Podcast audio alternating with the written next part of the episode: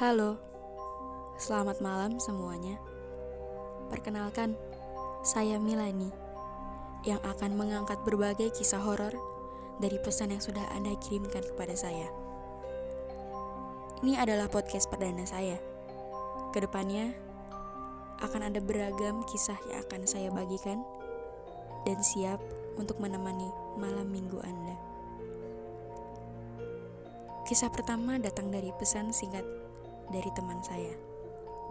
Ia bersedia menceritakan tentang pengalaman menyeramkannya, dan isi pesan itu berbunyi,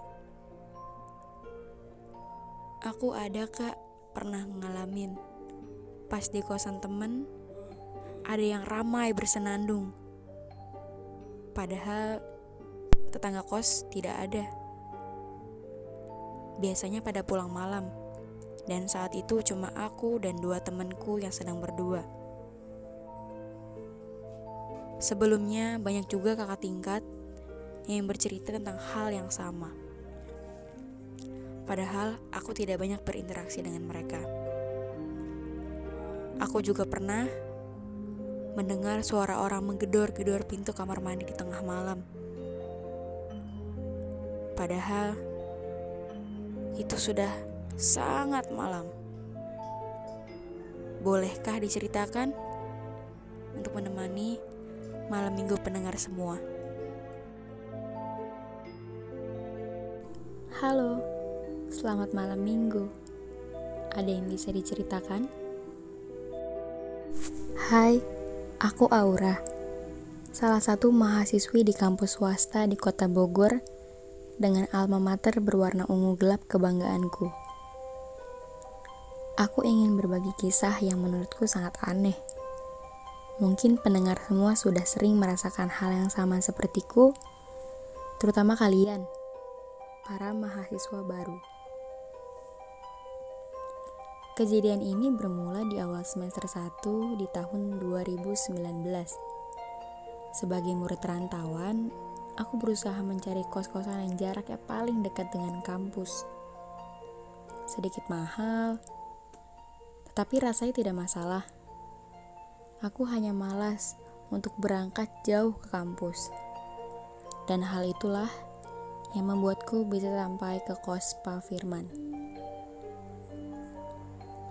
Perpindahanku ke kos ini tidak banyak drama. Sebagai perantau, rasa mandiri sudah tertanam dalam diriku. Hal itu pula yang membuat aku menerapkan diri agar tidak banyak merepotkan orang lain. Atau lebih tepatnya, aku juga malas berinteraksi dengan tetangga kosku. Namun, sebelum naik ke kamar, aku menyempatkan diri untuk bertemu Pak Firman untuk sekedar memperkenalkan diri dan bertanya tentang peraturan di kos. Pak Firman sangat ramah bahkan sampai memberiku makanan ringan. Ia juga berkata bahwa jika aku bertemu para penghuni kos lainnya, aku harus bersikap sopan pada mereka. Ya tentu saja aku akan melakukan hal itu. Pak Firman juga menambahkan, ketika hujan nanti akan banyak kakak senior yang datang, sekedar mampir ke kos. Kalau nanti bertemu mereka, aku disuruh menyapa.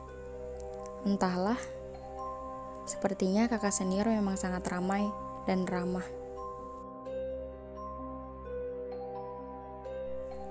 Kamarku ada di lantai 2, nomor 14. Satu kamar sebelum kamar paling pojok di nomor 15. Satu minggu berlalu, aku tinggal di kos itu.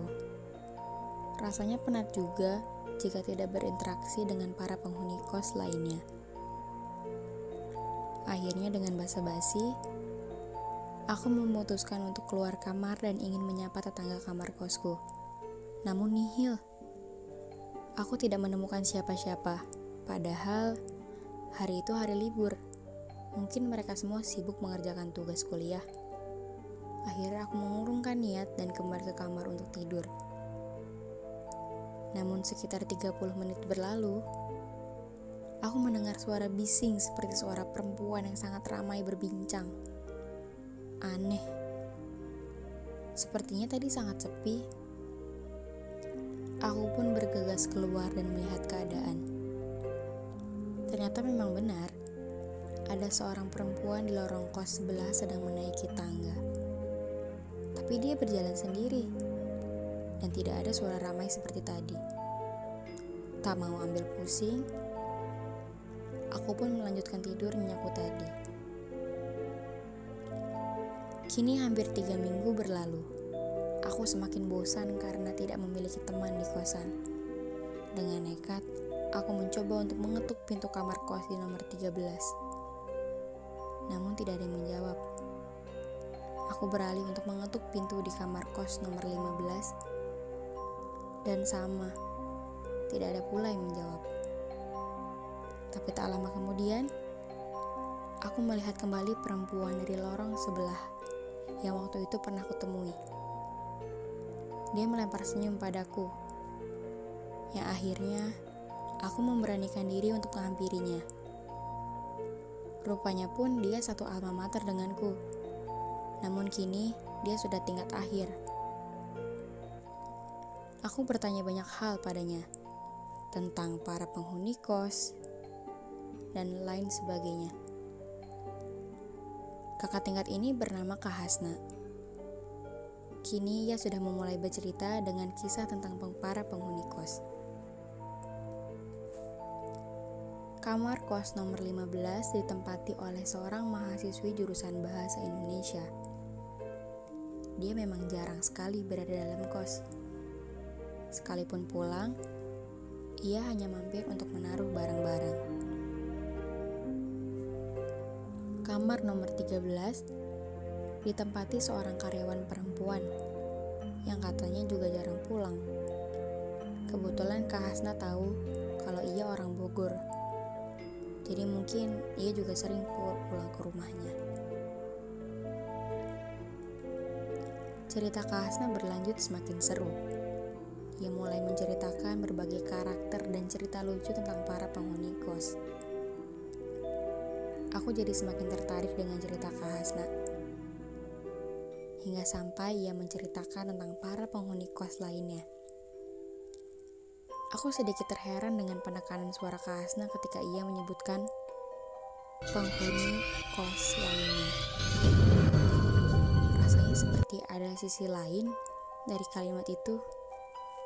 Mungkin bagian ini belum diceritakan oleh Kak Hasna. Perlahan, Kak Hasna mulai menceritakan sisi gelap dan misterius dari kosan Pak Firman ini. Berikut juga dengan para penghuni kos yang ternyata bukanlah penghuni kos asli yang berwujud sama seperti kita. Kak Hasna bercerita bahwa suara bising yang akhir-akhir ini aku sering dengar ternyata pernah juga didengar olehnya bahkan sudah lebih dari 20 kali selama 5 semester ia berada di kosan ini. Tentu menurutku itu bukan hal yang sedikit dan bukan pula hal yang harus dibanggakan. Apa asiknya mendengar suara bising dari makhluk lain? Kak Hasna pun bercerita bahwa suara bising itu pertama kali ia dengar ketika hari ketiga ia pindah ke kosan ini. Kak Hasna sampai tidak bisa tidur, dan ia terjaga sepanjang malam. Awalnya ia mengira bahwa ada kakak tingkat yang sedang merayakan kelulusan. Tapi mana mungkin mereka merayakan di tengah malam seperti ini. Suaranya berbalas-balasan dengan suara petir dan hujan kala itu. Sehari setelah mendengar suara itu, Kak Hasna lantas bertanya kepada penghuni kamar kos nomor 13 tentang apa yang ia dengar semalaman. Ia kira si ibu karyawan itu akan menjelaskan apa sebabnya. Tapi ternyata dia hanya tersenyum sambil menepuk pundak Kak Hasna dan berkata, Kalau lagi hujan dan kebetulan libur, lebih baik pulang aja ya. Semoga kamu betah di kosan ini. Kak Hasna makin bingung dan tidak ambil pusing tentang jawaban si ibu karyawan itu. Ia lebih memilih untuk bersiap berangkat ke kampus dan melupakan kejadian yang ia alami. Semester 1 hingga 5 berlalu, Kasna semakin kebal dan tidak mau lagi mencari tahu dari mana asal suara bising itu. Hingga pada akhirnya aku datang dan menceritakan hal yang sama yang kurasakan. rasakan. Aku yang semakin bingung terus memikirkan siapa sebenarnya pembuat suara bising itu. Aku memilih untuk membuat strategi bersama Kak Asna. Kami merencanakan untuk menginap bersama. Barangkali nanti kami mendengar suara bising itu lagi. Karena keberanian kami sekarang lebih tinggi dibanding rasa takut yang kami rasakan. Kak Asna pun setuju dan kami akan menginap di kamarku dalam dua hari ke depan. Sore itu di hari Jumat, aku bersiap merapikan kamar karena Kak Hasna akan segera menginap. Kebetulan teman kampusku, Dita dan Dinda sedang mampir ke kosku. Di luar sedang hujan. Rasanya sangat nikmat jika kami menikmati mie bersama Aku dan Dita memutuskan untuk memasak mie, dan Dinda menunggu di dalam kamar sambil rebahan di kasurku. Aku banyak mengobrol dengan Dita selagi kami menunggu mie matang. Dita bertanya padaku, Ra, kamu gak iseng di kos sendirian? Mana kan kiri kamar kos kamu kosong semua? Aku hanya tersenyum mendengar pertanyaan Dita. Tak terasa sudah tiga menit, dan mie instan kami pun sudah matang. Aku dan Dita segera menuju ke kamar. Namun kulihat di kamar Dinda sedang sibuk menatap layar ponselnya. Kukira ia tidur. Din, kok kamu gak tidur? Katanya tadi ngantuk. Dan Dinda pun menjawab, Gimana aku mau tidur? Tetangga kamar kamu berisik banget, Ra. Pada ngobrolin apa sih mereka? Mana hujannya gede lagi. Sontak aku yang sedang menyeruput kuah mie langsung tersedak. Terkejut bukan main ketika Dinda berkata seperti itu. Ternyata ia mendengar suara bising itu lagi. Astaga. Aku kebingungan harus merespon Dinda seperti apa aku memutuskan untuk diam dan tidak menjawab Dinda. Aku suruh saja ia untuk segera menghabiskan minyak. Dita dan Dinda akhirnya pulang sebelum maghrib. Hujan sudah mulai berhenti. Aku terdiam dalam kamar memikirkan perkataan Dinda tadi. Jujur, aku sangat takut. Aku takut jika mendengar suara bising itu lagi. Aku segera menelpon Kak Hasna dan menyuruhnya untuk segera pulang. Sepertinya Kak Hasna tahu alasanku menghubunginya. Ia berkata bahwa sebentar lagi ia akan pulang dan membawakan es teh poci untukku. Rupanya benar, 15 menit berlalu Kak Hasna akhirnya tiba. Ia membawa es dan teh poci serta sekantung tahu crispy. Mungkin Kak Hasna ingin menenangkanku. Di sela-sela hujan, kami mengobrol banyak hal mengenai film, musik, dan hal lainnya yang tidak mengarah pada kisah tentang suara bising itu. Namun tak lama ponselku berbunyi. Ku baca dengan segera pesan yang masuk. Rupanya itu dari Dita dan Dinda. Sial. Mereka kembali membahas tentang suara bising itu. Sumpah ya, Ra. Dit, itu tuh berisik banget. Kayak suaranya tuh ada di kamar kamu, Ra. Si kakaknya tuh rame banget. Mana suaranya serem banget lagi. Itu pesan dari Dinda. Oh iya, Ra. Tadi pas pulang, aku sama Dinda ketemu sama Pak Firman di bawah. Dia negur kita. Terus dia bilang gini, Lah, pada mau pulang? Masih hujan loh. Ya udah, Ra, aku jawab aja. Eh iya pak, udah mau maghrib. Terus Ra, si bapaknya ngomong lagi. Tadi kalian ketemu kakak senior nggak? Aku bingung Ra mau jawab apa. Kakak senior yang mana coba? Kak Hasna, kan tadi nggak ada. Ya udah, aku sama Dinda pergi aja. Sontak aku kaget dan melempar handphone setelah membaca pesan itu. Aku menangis jadi-jadinya. Kak Hasna yang ada di sampingku memeluk erat diriku yang semakin lemas. Kak Hasna kemudian membaca pesan singkat dari Dita dan Dinda. Dan diam-diam dia pun bergumam. Jadi itu yang dimaksud kakak senior oleh Pak Firman sejak dulu. Mungkin itu sedikit kisah dariku, Aura.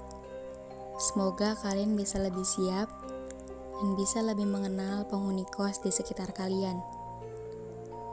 Tak terkecuali penghuni kos dari dunia lain. Terima kasih untuk Aura yang sudah bercerita. Semoga kalian para pendengar dapat mengerti dan mengambil berbagai pelajaran yang sudah diceritakan oleh Aura tentang bagaimana kita harus bisa saling mengenal tidak merasa sendiri, dan meminta bantuan orang lain. Untuk pendengar, selamat malam minggu.